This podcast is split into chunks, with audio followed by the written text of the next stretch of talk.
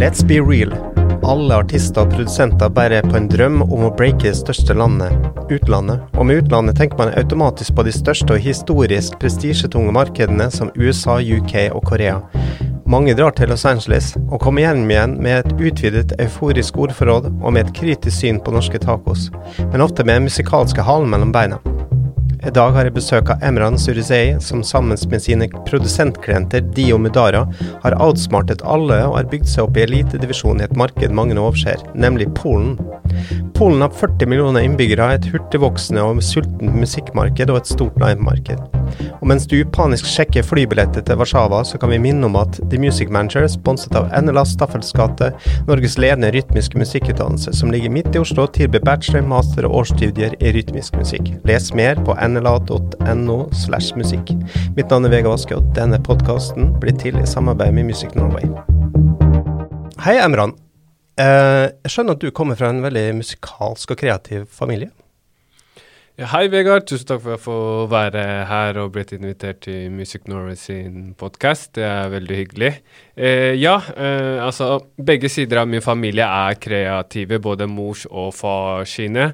Altså min bestemor har jo vært blant annet bryllupsmusiker, så reiste rundt og spiller masse bryllup på sin egen instrument med en egen band og danseteam og og mens min bestefars fra min fars side har jo bygd instrumenter og introdusert eh, baluchisk musikk på en hel annen måte, slik som min far har gjort, mm. eh, som har gitt ut også flere utgivelser, da. Ja. Og ja, onkler og søsken som også driver i den kreative eh, bransjen, eh, mm. enten som skuespiller eller, eller masterarkitekt, da, som han andre er.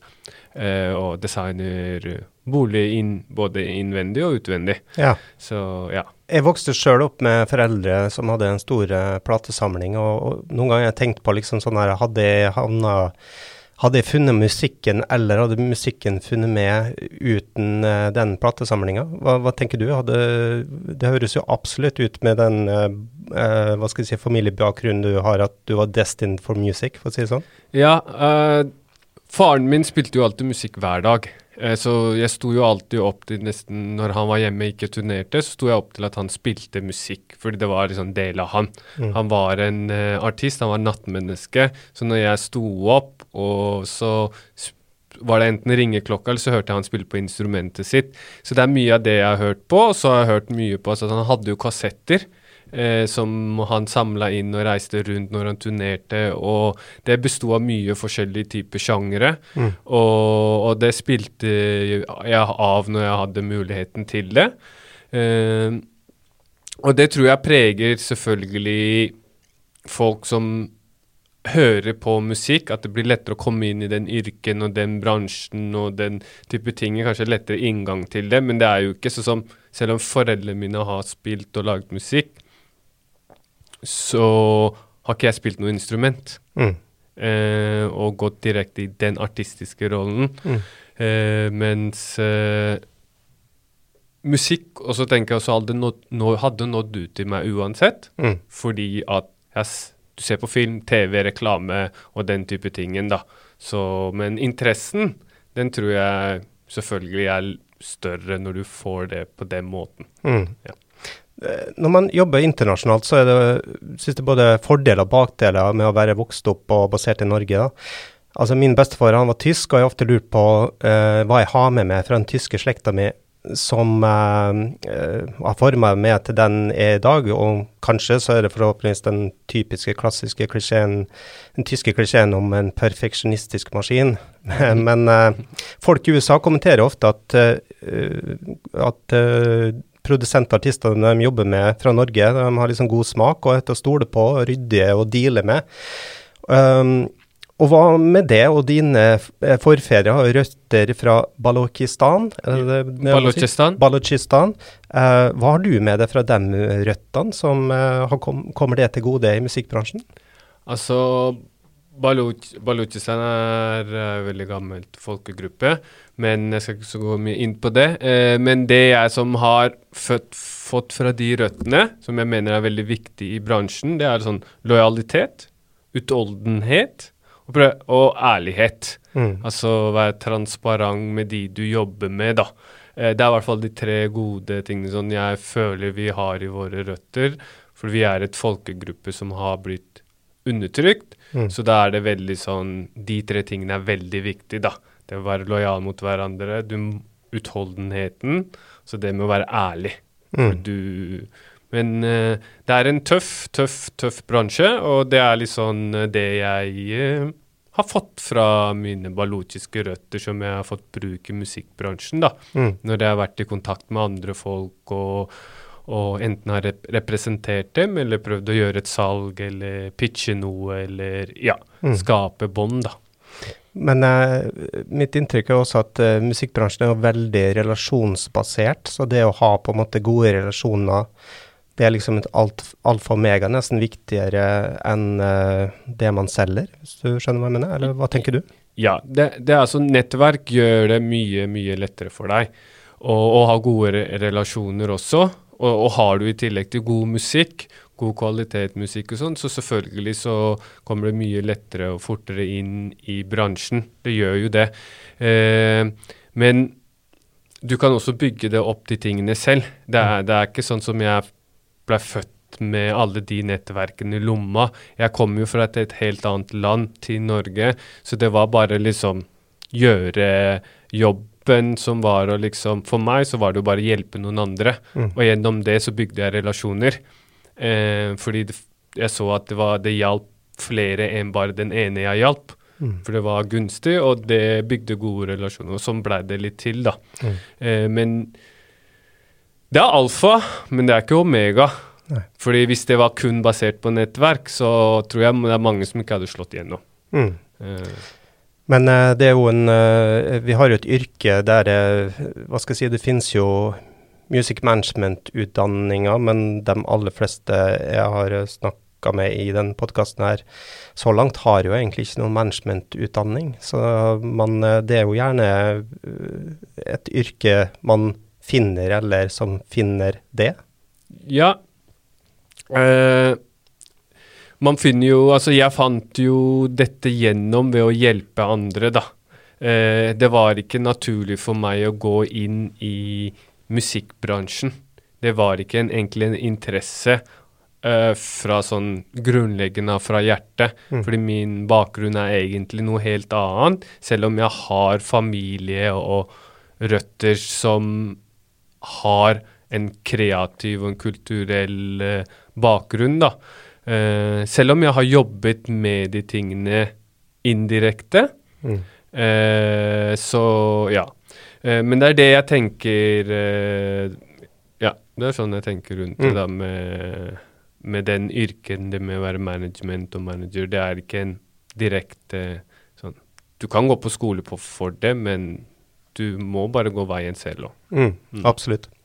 Og før du falt inn i musikken, så jobba du jo mye med aktivisme og youth empowerment og antirasistisk arbeid. og Jeg sjøl kommer jo fra punk og hardcore, som har mye av de samme elementene med do it yourself, og der hver låt har liksom polit, et politisk standpunkt eller en emosjonell bunn, uh, kan man kanskje si. Uh, når vi kommer fra den sida, hvordan forholder du til at vi til daglig jobber med mye kommersiell ultrakommersiell musikk, og satt på spissen overfladisk musikk? Ja, det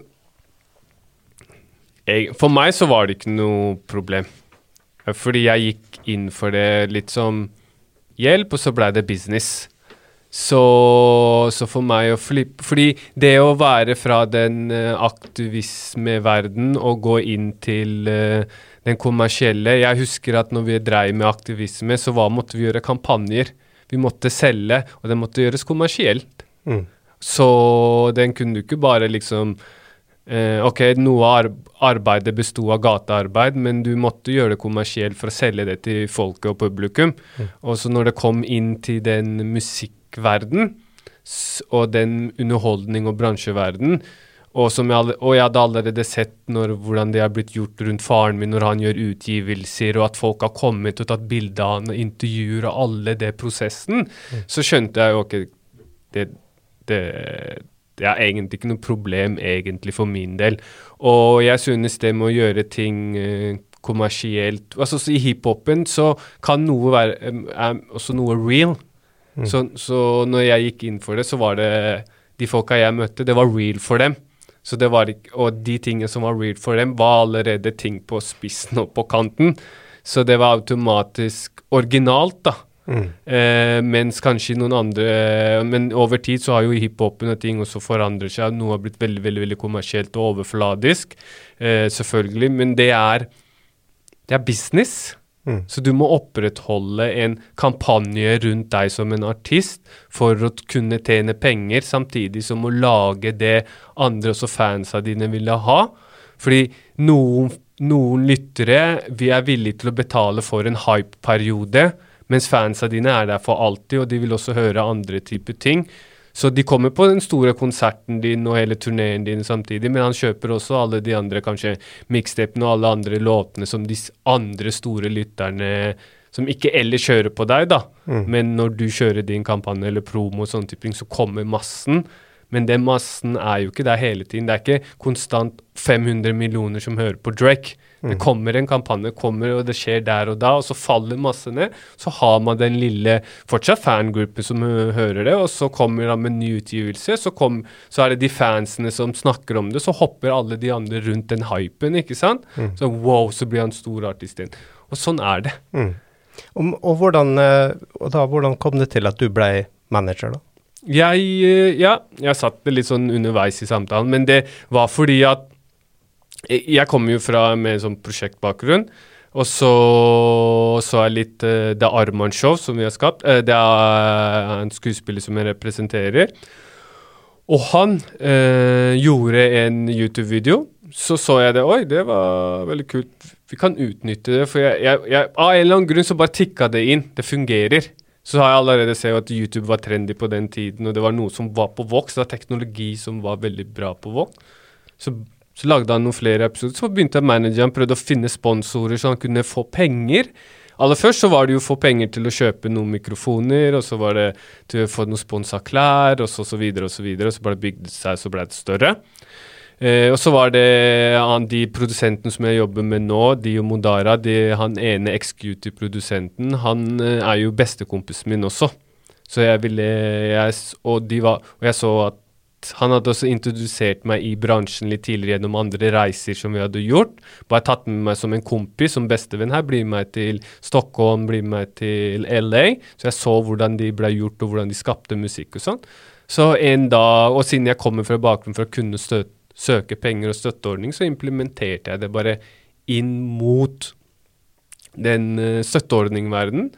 Eh, og så sa jeg til ham jeg kan prøve å hjelpe dere å kanskje få noe penger da, til å gjøre en prosjekt. Og det var ikke reise først og fremst, men det var utgangspunktet var sånn Å, kanskje jeg kan finne det, men det første søknaden eller sånn prosjektet jeg begikk meg ut på, var å skape en album Mm. for eh, artistene. Og derifra så bare så begynte jeg å forstå den dynamikken i industrien, da recording og uh, master og split og publishing, og, og begynte å bare Oi, det, det var jo helt annet verden. Mm. Og derifra så bare var jeg der for å støtte, og så gjorde jeg det, så skapte jeg business. Mm.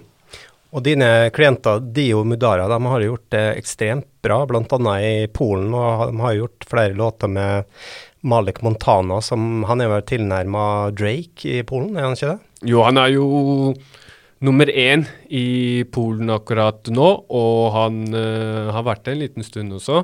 Eh, og jobbe med han uh, er jo veldig flink. Han er veldig stor og er independent artist. Han gjør ting selv. Han har alltid stått opp på sine egne bein, og det er veldig gøy å få jobbe med sånn type artist, da. Mm. Bare ta litt sånn til starten, hvordan kom dere dere inn i Polen i utgangspunktet? Eh, vi har, en av våre produsenter, Di Modara, har jo vært i bransjen ganske lenge som eh, produsent og tidligere beatmaker. Så han jobbet med mange andre. Og Malik er egentlig en gammel bekjent av han.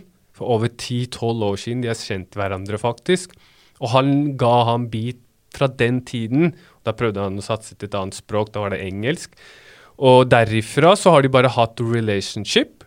Og så når vi etablerte Dio Modara og gikk inn for det sånn nå skal vi satse som et produksjon og alt sånt. Så tok, gjenopptok vi kontaktene. Så de har alltid vært i dialog, men da gjenopptok vi kontakt for å gjøre det inn sånn, lage noen gode ting som vi kan ta med stort, da. Mm. Uh, og da var han jo allerede begynt å være uh, godt uh, etablert. Og så, sånn kom vi inn til Polen gjennom han produsenten. Mm. Og holdt og bare holdt på siden da. da, Bare være med han og støtte han og hva det måtte være, liksom. Uh, og det er det vi gjør der, da, ute. Mm. så det, veien inn var litt via eh, Dere fikk liksom han ene produsenten, ja. ja. Fikk litt braksuksess fra Flying Start da, med Malik Montana? Eh, for Dio Modara så ble det en flying start akkurat der og da. Mm, mm. Eh, fordi det var jo da nyetablert. Og det er jo litt av den med businessen å kunne forstå strategi og hvordan gjøre leverage da, i en uh, tøff periode. Og hvordan skille seg ut. Mm. Så det var en bra. Og, og, siden han var så flink artist, og han jobba all jobben selv, og vi leverte gode produkter, og han hadde god kjemi fra, med produsenten, så gikk det bra. Så der, der kommer nettverk inn, da. Mm. Hvor viktig nettverk og relasjon er viktig. Mm. Eh, som er alfa på den siden som vi snakka om. Ja. Jobbe, hvordan jobber dere opp mot Polen? Er dere mye der og jobber i studio med folk, eller går det mer på liksom, hva skal jeg si, mail og DMs? Nei, vi reiser ned dit. Ja. Så jobber vi med dem. I studio? Eh, ja. Mm. Vi, er, vi, er, produsenter. Uh, det er ikke beatmakers. Mm. Så er, vi sender ikke ut rundt beats sånn random. Eh, vi Eksklusive ting. Vi møter deg personlig, inviterer oss. Eller kom opp til oss, så, så gir vi deg ting. Selvfølgelig, vi, vi, de vi har fått gode relasjoner med, eller vi blir henvist gjennom en av våre gode gode relasjoner eller våre gode klienter, og vi blir henvist videre, så selvfølgelig er vi villige til å selge, nei, sende ut lyd som folk vil høre på beats og instrumentaler. Men det er for da for at vi skal kunne møtes for å gjøre produksjonen. Mm. Jobber dere også med polske produsenter i miksen på låta, eller jobber Ja, ja. det gjør vi. Mm. Og er det, er det, Warszawa som gjelder, eller er miljøene liksom spredd i andre byer også? Vi Hovedsakelig så har vi Det er jo flere miljøer og sånne type ting, men uh, Malik holder til i Warszawa. Mm. Så forhold til han så er vi i Warszawa. Vi har jobbet med noen andre artister, men jeg husker ikke hvilken byer de andre er fra. Uh, men som sagt, altså, folk kommer jo også og møtes der vi er, mm. uh, og, og, det er fin ting. Mm. Det er jo veldig fascinerende eh, å høre om eh, Polen, som er jo et veldig svært land og et veldig stort marked, men samtidig er liksom så oversett, og at dere på en måte har funnet liksom bra sånn bridgehead inn i Europa den veien. Um, hvordan vil du si uh, hva, hva, er liksom forskjellene på Hvis du tar det tyske og det polske markedet, f.eks., for, for dere har jobba en del i Tyskland også. Hva er forskjellen på dem? Eller klarer du å generalisere litt der? Jeg skal prøve. Uh, det er at uh, i altså Polen, hiphop i hvert fall uh, det har jo alltid vært hiphopartister der, men det er jo først nå de, de siste årene med teknologi og økonomisk vekst i Polen blant middelklassen som har ført til at hiphopen også har vokst. At flere kan kjøpe seg Eller altså folk investerer eller kjøper da, ting og hører på musikk og går på konserter og kjøper. Hiphop-kulturen har vokst der også. Mm. Og, og, jeg tror den uh, timingen også har vært veldig bra for oss også når vi var der. Altså i den tiden, i det tidspunktet. Uh, I Tyskland, så det som er liksom forskjellen der, er jo at Tyskland har hatt hiphop lenge. Eh, veldig, veldig veldig lenge, ikke sant? Og de, en, og de gjør ting veldig annerledes. De, de selger fortsatt CD-er i Tyskland. De selger mye merch. De skaper pakker rundt tingene sine, da. Mm. Eh, og har større prosjekter rundt sine utgivelser. Mens i Polen nå vokser jo det mer, og det kommer mer og mer. Men det er ikke sånn Folk kjøper ikke så mye CD, selv fortsatt det er CD-salg. Men, det, det, men, de drar mye på konserter og sånne type ting, da. Så det er litt av den forskjellen der. Likheten er at begge to er i hvert sitt språk. Mm. Så det er liksom du har Tysk er på tysk. Det er, det er tysk hiphop, det er rap, språket er på tysk. Polen, det er polsk rap. Det er mm. polsk hiphop. Det er ikke engelsk eller noe annet som florerer der. Det er polsk. Mm. Tyskland, det er tysk. Selvfølgelig, de hører på andre typer musikk de, av de populære hiphop-artistene, Mm. sånn som Drake og Lil Wayne. De når jo ut, og det kommer sånn. Og så det som er så annet noe skille i Tyskland, de har masse mer outlet. Altså mange flere radioplasser og kanaler og steder hvor de performer hiphop og fremmer og blader og sponsorer og alle de tingene finnes der. Mens i Polen så er det mer nytt, og det begynner å komme flere og flere hiphop-kanaler og nye podcaster, og disse, de tingene vokser der nå, da. Mm. Eh, og det er litt av det sånn sånn der, sånn forskjellene og, og likhetene som vi ser i Polen og Tyskland, uh, Tyskland, da. Mm. Um, det er jo mye annet også jeg kunne fortalt om, men det er i hvert fall litt kort, det, da. Eh, med tanke på Polen, eh, altså det her blir skikkelig eh, ABC kanskje, men eh, er, den, er det Spotify som er den dominerende eh, DSP-en Ja. der? Er, er det noen andre streamingtjenester som har noe særlig verdi, eller er YouTube. YouTube, ja. Det er folk mange som ser på YouTube fortsatt. Ja. Mye, mye mer YouTube fortsatt enn Spotify, Mm. av det er, ja, det er Mm. mer populært, rett og slett. Eh, Det er ikke noen andre type kanaler som det ses på. Instagram selvfølgelig, eh, men av DP, eh, DPS så er det de. Ja. Mm. Eh, Jeg skulle si Det som er med Spotify akkurat nå, er at de satser også stort i Polen på hiphop. da. Så de driver jo også og lager jo andre typer sånn Hva heter det, egne Nå husker jeg ikke navnet på sånn man gjør på Spotify, egne Spotify-lister Mm. eh, for den sjangeren og sånne type ting. Mm. Og i forhold til eh, artisten som Malik, så lagde hun de svære maleri av han Mm. i en av de mest eh, viktige gatene der, da. Hvor det står Spotify og han. Så som, selve som du har på, øh, på Spotify-cover, liksom, på toppen når du går Mm. inn på en spilleliste, Mm. de hadde bare laget den av han på Og det var Moment Bygård, liksom. Mm. Det er jo, jeg tror jeg vet syv etasjers maleri Akkurat. av han.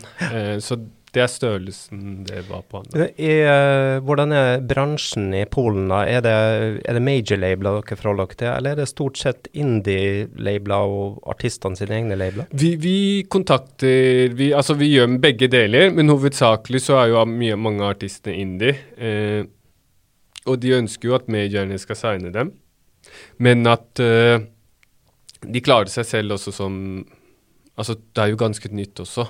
Eh, de har eventuelt eh, lisensavtaler, eventuelt, noen av de hiphop-artistene, men eh, det er indie, Mm. stort sett. Og de major levelsene begynner å hoppe på det og sånt. Og, og slik jeg tror kommer til å skje i Polen, er kanskje mer sånn at eh, noen gjør eh, ut, avtaler i utlandet, og så gis Og så gjennomfører den polske avdelingen av det major labels det arbeidet, da.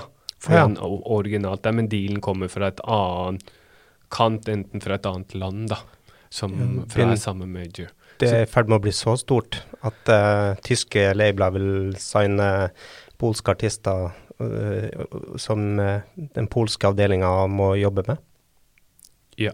Mm. For andre norske produsenter som vil inn i Polen, eh, har du noen tips til hvordan de skal angripe det markedet? Eh, det er jo egentlig å ta kontakt med de ulike managementene de er. Hør, gå inn på spillelistene til Spotify, se hvem som er der, kontakt dem, send ut ting. De er altså nytt. Finn nye folk som kommer inn på de listene. De kan være de neste trendige i Polen. Altså ikke hopp på de største, fordi de allerede har et team som de har jobbet med en stund. Selvfølgelig prøv deg, eh, men det er litt vanskeligere fordi de allerede nå har det.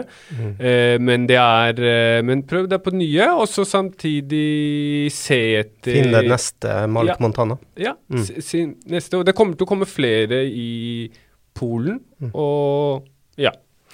Og uh, Dio Mudara de er jo en produsentkvartett.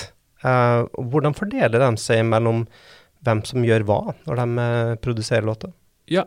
Uh, alle, altså alle fire har jo også sine sterke sider i hiphopen. Du har jo sånn trap og drill og de ulike underkategoriene da, i hiphop-sjangeren. Og, og, de besitter jo hver sin område, så det, det, skaper jo en god dynamikk. Så noen ganger leverer jo den ene sånn type trommer som kan passe til den andre, uh, det litt mer andre type skal jeg si, ja, produsenten har skapet av lyd eller instrumentaler. Og så har du den fjerde som har en annen type, kanskje som har mer sånn EDM og reggaeton-følelse i sin, som, sin, styrke i hiphopen, men samtidig han har hiphop bak seg, men han har de også elementene i seg, da, og, og setter det opp. Og i forhold til studio altså, så har vi den fjerde personen også, han gjør litt av det samme. Han også har en sånn sin egen sterke side. Og så sender det, de sender det rundt til hverandre, så jobber de sammen. Og så legger, putter de det inn, og så bare noterer, noterer, de ned seg hva de har lagt inn, sånn at man vet hvem som har vært med på hva. Som vi kan gjøre splitt og sånne type ting når den tid kommer. da. Så da vet man ok, du gjorde den delen og den delen i forhold til publishing og uh, inntekter og sånne type ting. Mm. Eh, og når, det, når, vi, når, vi, jobber inne i studio direkte, så enten for Hvis vi mange, møter mange artister den dagen, så fordeler vi dem i hvert sitt studio. Eller så jobber de par. Uh, I verste, verste, verste tilfelle så sitter alle Ikke verste, da, men hvis uh, altså det er bare én artist, så sitter jo da en produs... Sitter han ene som engineer, og den andre som er uh, som produsent og jobber sammen med det. Og de to andre er litt mer å gjøre research og finne lyd i den dynamikken da, som skapes. Det er jo også en veldig fin måte å jobbe på. Det er feil å si det verste, men det er en fin dynamikk å jobbe på. Og da jobber da sånn, flere mann på ett produkt, da, og da er man i studio. Så det er litt sånn vi, vi organiserer og strukturerer oss når ting skal skje, da de fyller hverandre ut da, på en god måte? A absolutt, mm. det gjør de. Mm. Og de har en god tone med hverandre og forstår hverandre. og Det er ikke noe du må være med på. Hvis ikke du føler for å være med på den, så setter du ikke på noe. Nei. Vi sier fortsatt at det er produsert av Div Modara, men da er det sånn Da tjener du ikke penger på det verket, da. Det er mm. basically det. Mm. Så det er jo sånn det er. Hvor mye tid eh, tilbringer de i Polen og Tyskland? Eh, Altså, vi reiser jo ganske ofte også til andre land, men i Polen og Tyskland så prøver vi å være der nesten hver måned eller annenhver måned. Flere dager, kanskje en uke eller noen ganger flere. Ti dager. Helt avhengig av hvem vi skal møte. og Fordi de artistene reiser og har konserter, og, og det, er, det, blir kjedelig for oss å bare sitte og ikke gjøre noe. og de dagene de artistene Sånn helger er det nesten ikke noe vits å være der, for da er de på konsertene sine. Mm. Ikke sant. Mm. Um, Managementyrket er jo ikke et veldig homogent uh, yrke, og det er jo mange måter å være manager på, og hvilke, hvilke roller man har da i forhold til klientene og omverdenen. Hvilken type manager er du? En som får jobben gjort, egentlig. Eh, i forhold til det klientene ønsker. Eh, men jeg, av arbeidsoppgaver gjør jeg litt forskjellige ting. Jeg, altså jeg gjør litt administrative oppgaver. Jeg eh, researcher også ting på potensielle eh, folk vi kan gjøre samarbeid med, og scouter ut andre eh, fremtidige ANRs, og folk som representerer fremtidige artister som vi kan kontakte i nær framtid, ikke sant. Eh, og jobbe, så vi også tenker altså Selv om vi jobber med etablerte, så prøver vi også å jobbe med å se etter nye folk òg. Og, og, det er litt av den type manager jeg er, da, som prøver å liksom være litt i framtiden og prøver å finne ting. Og det enn å bare, bare hoppe på alle de hype hele tiden, for det også, det også er gøy og sånne type ting, men det også krever også sin tid, da. Uh, heldigvis i forhold til de Modara så har vi et godt nettverk, så er det litt lettere. Og utenom det med administrative og nettverking som jeg gjør, så er det jo å hjelpe til med det med økonomiske. Sånn liksom penger og det med at ting går, og publishing og master recording og kontraktting. Eh, at det er i orden, og at ting blir registrert på rett plass. Altså dobbeltsjekke ting. Eh, det er også en veldig, veldig, veldig ting i bransjen som jeg må passe på at jeg må gjøre for mine klienter, for de passer ikke på det selv, da. Mm. Eh, ikke alle det. Mm. Bare veldig kjapt uh, nerdespørsmål. I Polen er liksom kontraktene og sånn, er de på polsk eller er de på engelsk, eller? Vi ber dem å gjøre dem på engelsk. Ja. Mm. Og Men det er igjen Hiphop-gamet er ikke flink på kontrakter. Nei. Bare for å si det slik, liksom. Så hvis du Det fungerer sånn i Polen også. fungerer sånn i hele verden. Mm. Eh, utenom Gjøre USA. dealen etter at låta er gitt ut. Ja, det er ikke lurt å gjøre det, men det kommer an på hva slags relasjon du har til folka dine. Altså, hvis det er helt nye, nye folk, så ha en kontrakt på bordet for en produksjon eh, hvis du gjør et salg. Mm. Eh, hvis de liker biten din, så gjør en, eh, få en kontrakt. Mm. Absolutt. Eh, og fordi den artisten, når den kjøper produksjonen, så enten så gir du den ut selv, eller så lisensierer de den ut til noen andre Mm. og lisensierer de den ut til noen andre, uh, f.eks. en major label som tar lisensen på den, og recordingen, altså selve master-recordingen, så kan ikke du ringe uh, Hva heter det Det major labelet eh, som har lisensiert og si her, gi meg de prosentene jeg har avtalt. Det må du ta med den artisten. Mm. Skjønner? Ikke yeah. sant? Og, og artisten noen ganger forstår jo ikke at det er sånn avtalen fungerer, men uh, det er derfor kontrakten er viktig, da. For da kan du vise til hei, men uh, jeg signa med han artisten, her er kontrakt her, jeg må ha de prosentene mine Mm. som er blitt samlet av den lisensen. Det kryr av gode produsenter, og konkurransen er jo knallhard. Um, uh, hvis man først har kommet seg opp i elitedivisjonen, sånn som de og Mudara, eh, hvordan holder man seg der oppe? Man fortsetter sånn som man starta første dagen. Du grinder, og du bare fortsetter, og du gjør det du har gjort hele tiden. Altså som har fungert. Og så gjør du det. Gjør det som har fungert. Ikke gjør de samme feilene om og om og om igjen. fordi hvis de ikke fungerer, så er det feil feil du lærer av, liksom. Men det er det. Og så er det å eh, Alltid nettverk. Bare nettverk, gå ut, møt folk. Uansett hvem det er, vær hyggelig mot folk. Eh, noen ganger så spør de deg om hjelp, og du føler at det ikke er verdt å hjelpe. Se litt an på situasjonen, prøv å hjelpe dem, fordi den personen kan hjelpe deg masse i framtiden. Fordi det lille, det som er li, det lille for deg, er megastort for den andre personen noen ganger. Og, og det har egentlig det, det er litt det, fordi det har gynnet meg tilbake. Jeg har tidligere hjulpet folk med de tingene de har lyst til, og så har jeg spurt dem i mange år nå, i dette tilfellet musikkindustrien, og så, ja, så har de vært i den posisjonen. De bare ja, OK, selvfølgelig, du hjalp meg. Du har også signa en uh, ny beatmaker som heter Noah, uh, og han er bare 13 år, etter som jeg skjønner. Og at artister og produsenter blir yngre og yngre, og heller ikke unormalt. Min sønn som går i femte klasse, og klassen hans, de sitter i musikktimen og lager musikk på garasjeband. Eh, hvordan jobber man med en 13-åring versus en 23-åring? Ja, altså Han er jo en beatmaker, eh, og det som er med i hvert fall denne 13-åringen, er at han føler at han ser litt i framtiden av hva slags type lydvalg og, og hvordan man setter litt ting opp, de lydene opp mot hverandre og sånt. Eh, å jobbe med en sånn type ting, en, en sånn type alder, er, er ikke noe særlig vanskelig, fordi han er en beatmaker, så han bare lager det han føler for å lage, og så velger vi ut det som vi føler vi kan ta med videre, så tar med vi det videre. Det er, når det kommer til eh, Og den 13-åringen har jo ikke sånne store ambisjoner om hva slags image og det type ting det skal ha, så den er veldig åpen for alt, da. Mens hvis det er kanskje en 23-åring og holdt på litt som beatmaker, så kan det være litt mer sånn at den vil mer ha en personlighet og litt sånn aura rundt hva slags type beats også den skal lage og selge eh, til sine ah, Ja, sin sound, da. Hvordan skal selge sin sound. Eh, det er egentlig hoved sånn forskjellene. Eh, sånn aldermessig så er det jo selvfølgelig Det er en 13-åring, det er 23-åring, så den har jo litt mer, eh, mer liksom forståelse på hvordan kanskje bransjen skal fungere. Mens en 13-åring er det mer sånn at du støtter dem, da. Mm. Helt på grunn av å passe på at alt blir ivaretatt, og at den, og at den har alle sine forutsetninger riktig.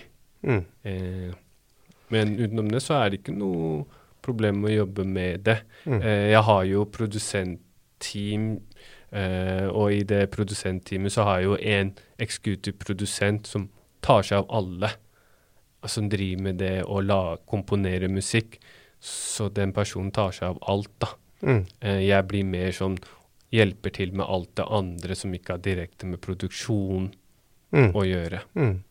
Og til yngre man er, så er hva skal jeg si, til mer instant og ærlig er jo ofte ting. da, Den der eh, klisjeen om at uh, fra små barn og fulle folk uh, man får sannheten, den er jo uh, ofte kan jo man lenes litt på. Jeg vet jo sjøl at uh, jeg sitter i bilen og spiller låter for sønnene mine, så, så det, de legger ikke noe imellom. Er det dårlig, så er det dårlig. Det er ikke liksom, de, de har ikke noe politikk innblanda i det. dem.